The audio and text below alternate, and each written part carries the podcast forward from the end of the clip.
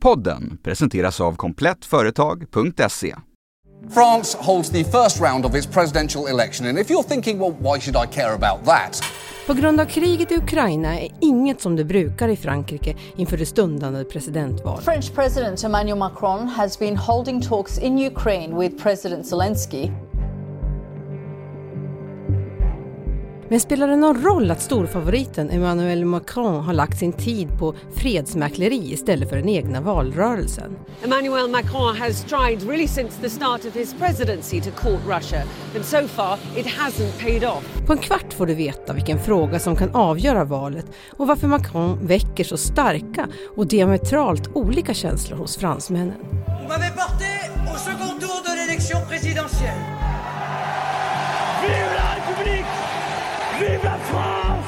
Det är fredagen den 8 april och jag heter Erika Hallhagen. Här är dagens story från Svenska Dagbladet.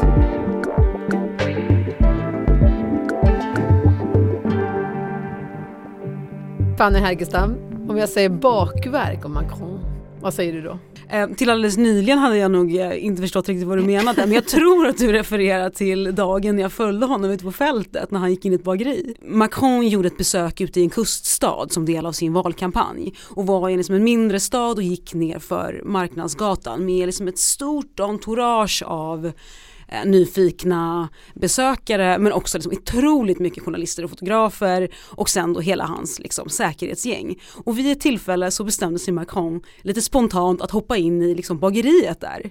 Eh, och det uppstod liksom mer eller mindre kalabalik, folk liksom kastade sig mot fönstren in mot bageriet och liksom bankade på de här fönstren. Eh, hela säkerhetsmaskinen med honom in i bageriet, det liksom hoppade ut en förskräckt dam som måste ha blivit väldigt överrumplad. Du köper en liten baguette själv. Ah presidenten kom in och så hörde jag någonstans där i publikhavet, han köper en pain chocolat! Men alltså du, till vardags är du programledare här på Dagens Story men nu är du eh, utsänd av SvD för att bevaka det franska valet och sveper in här i studion med en liten är av, av Frankrike. Eh, var befinner vi oss i valrörelsen just nu?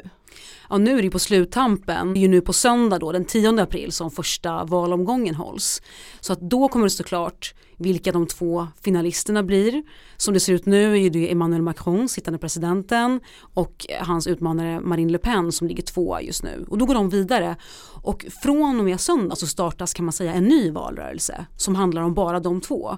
Ibland så kan det ju vara så att ett, ett nytt tema, en ny fråga seglar upp. Eller att det kommer fram några uppgifter som som, som bäddar för något skandalliknande, alltså det har hänt och då, och då, och då, eh, då blir det temat för den, den valrörelsen. Sen eh, avgörs valet den 24 april. Hur är stämningen i landet? Den är ovanlig för en presidentvalskampanj i det här skedet. Det brukar ju vara lite av en feberstämning liksom när valet närmar sig. Men som stämningen är lite mer dämpad i år på grund av olika saker. Alltså kriget i Ukraina har ju tagit mycket udden av det här valet och tagit mycket av presidentens tid, den sittande presidenten Emmanuel Macron. Ehm, så mm, många beskriver det som en väldigt ovanlig kampanj, mycket märklig presidentvalskampanj i Frankrike. Vad är det som gör den så ovanlig? Nej, men det är just det här med att kriget i Ukraina hägrar och eh, upptog väldigt mycket av Emmanuel Macrons tid under en lång tid. Det gick ju ända fram till början av mars till att han då officiellt sa att han skulle ställa upp till omval. Och det här har kritiserats av många och många har ju sagt liksom att han eh, använder kriget i Ukraina och liksom rider på det för att slippa ta kritik för de här fem åren som gått för honom som president. Och vi har ju också sett det som statsvetarna kallar för flaggeffekten.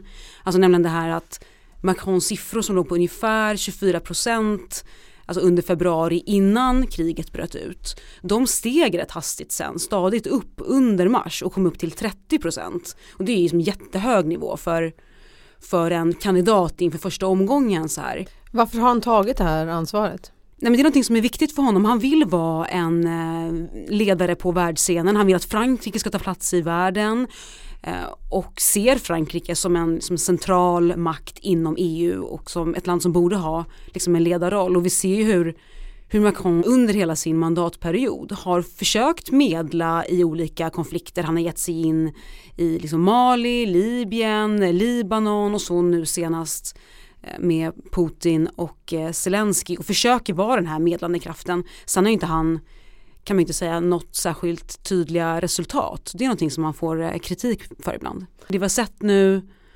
den senaste tiden är ju att Macron också har kritiserats för att ha varit för frånvarande i kampanjen. Alltså medan de andra kandidaterna som han nu tävlar mot, eller om man ska säga, har stått och stampat och liksom väntat på att Macron ska ge sig, ge sig in i racet så har han lite varit där ovanför och liksom upptagen med NATO-möte, G7-möte, liksom varit i Bryssel eh, och det där är, är vissa som säger är är någonting som han, eh, som han gör för att slippa ta kritik för hur han har styrt landet. En sen kväll i maj 2017 Emmanuel Macron går i ensamt majestät över Louvrens borggård fram till scenen där han ska hålla sitt allra första tal som president. Strålkastarskenet gör hans skugga lång och reslig. Allting är minutiöst orkestrerat för att ta plats i historieböckerna. Först när han är framme vid scenen spricker han upp i ett leende och möter folkmassans jubel. Han säger att han ska ena landet. Ils ont exprimé aujourd'hui une colère.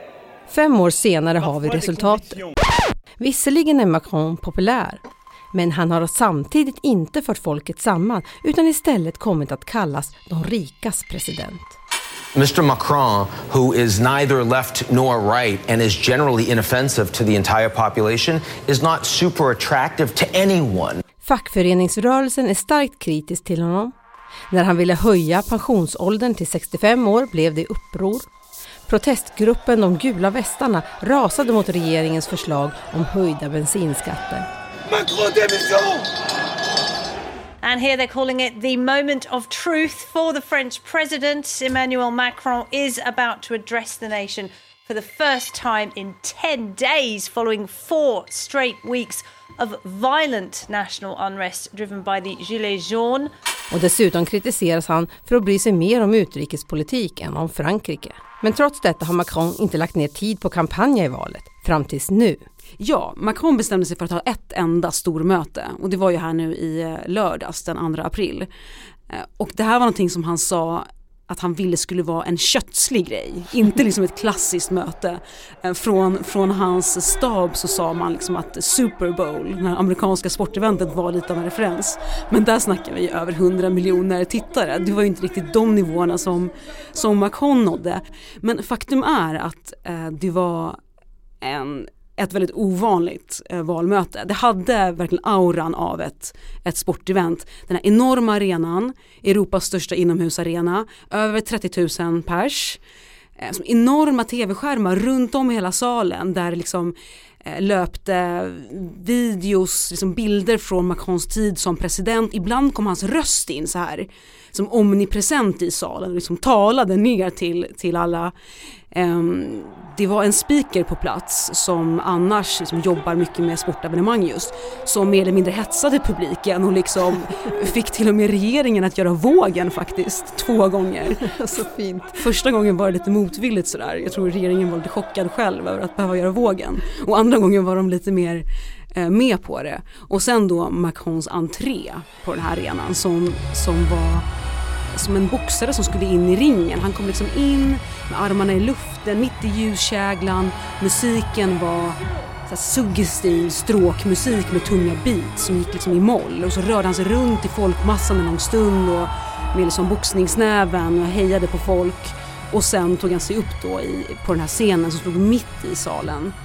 Eh, som en liksom, boxningsring lite upphöjd. Men eh, annars kan, kan, man lätt få känslan att han inte är en sån kötslig, eh, han har inte varit en sån kötslig ledare. Är det här ett sätt att, att bli folkligare också tror du? Nej men jag ser det väl som eh, rätt talande för den kampanjen som han har drivit eller liksom snarare nästan brist på kampanj han har drivit. Han har kommit in sent eh, och eh, märkt liksom hur siffrorna tickat neråt lite och att det har varit ett problem. Fransmännen väljer president vart femte år och proceduren påminner lite om Melodifestivalen eller slutspelet i valfri bollsport. Ladies and gentlemen, uh, let's get ready to rumble!